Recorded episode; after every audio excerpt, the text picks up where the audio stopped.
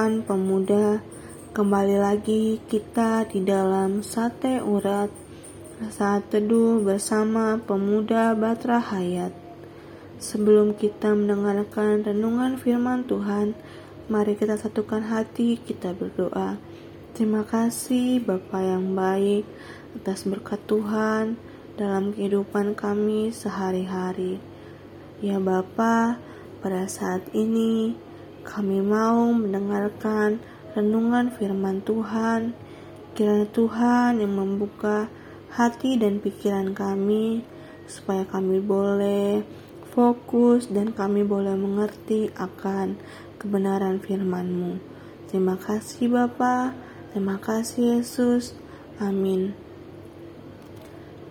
Rekan-rekan pemuda yang terkasih, Renungan kita pada hari ini memiliki tema hidup benar dalam rancangan Tuhan yang terambil dalam Matius 5 ayat yang ke-6.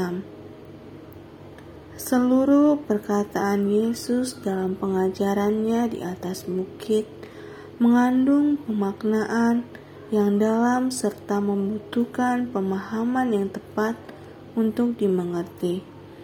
Ketika berbicara tentang kebahagiaan orang yang lapar dan haus, Yesus sedang tidak bicara secara harafiah tentang kedua keadaan tersebut. Pada umumnya, mereka yang mengalami lapar dan haus akan dianggap sebagai orang-orang yang kurang beruntung dalam hidup.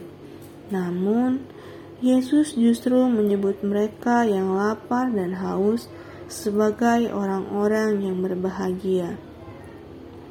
Menarik untuk dicermati ketika Yesus membandingkan makanan ataupun minuman dengan kebenaran firman Tuhan.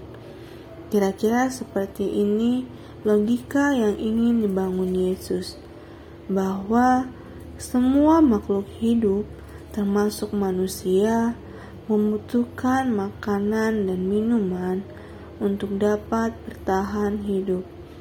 Jika seorang manusia berada dalam keadaan lapar dan haus yang teramat besar, maka lambat laun tubuh manusia itu akan lemah dan mengalami kematian.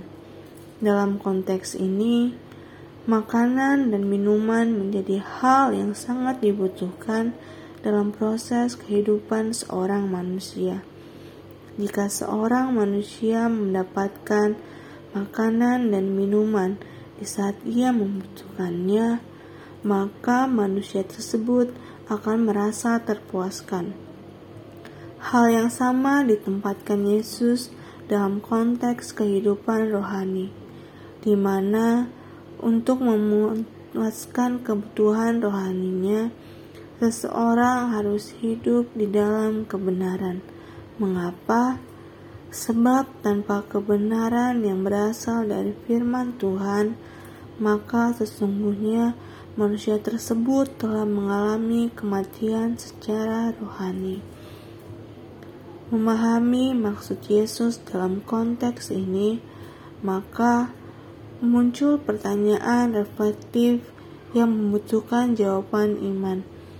Apakah saat ini saudara telah benar-benar hidup di dalam kebenaran firman Tuhan, ataukah saudara hidup secara jasmani, namun sebenarnya saudara telah mati secara rohani? Mari menjadi pemuda-pemudi gereja yang mengejar kepuasan rohani, yaitu membangun hidup dalam kebenaran firman Tuhan. Baiklah rekan-rekan pemuda, inilah renungan firman Tuhan kita pada hari ini. Mari kita satukan hati, kita berdoa. Terima kasih Bapa yang baik, terima kasih Yesus. Kami telah mendengarkan renungan firman Tuhan Kiranya apa yang telah kami dengar bersama boleh menjadi rema dalam kehidupan kami sehingga kami tidak hanya menjadi pendengar yang setia melainkan menjadi pelaku firman Tuhan. Bapa, Jangan biarkan kami mengejar kepuasan jasmania, tetapi berkomitmen mengejar kepuasan rohani dalam firman-Mu. Amin.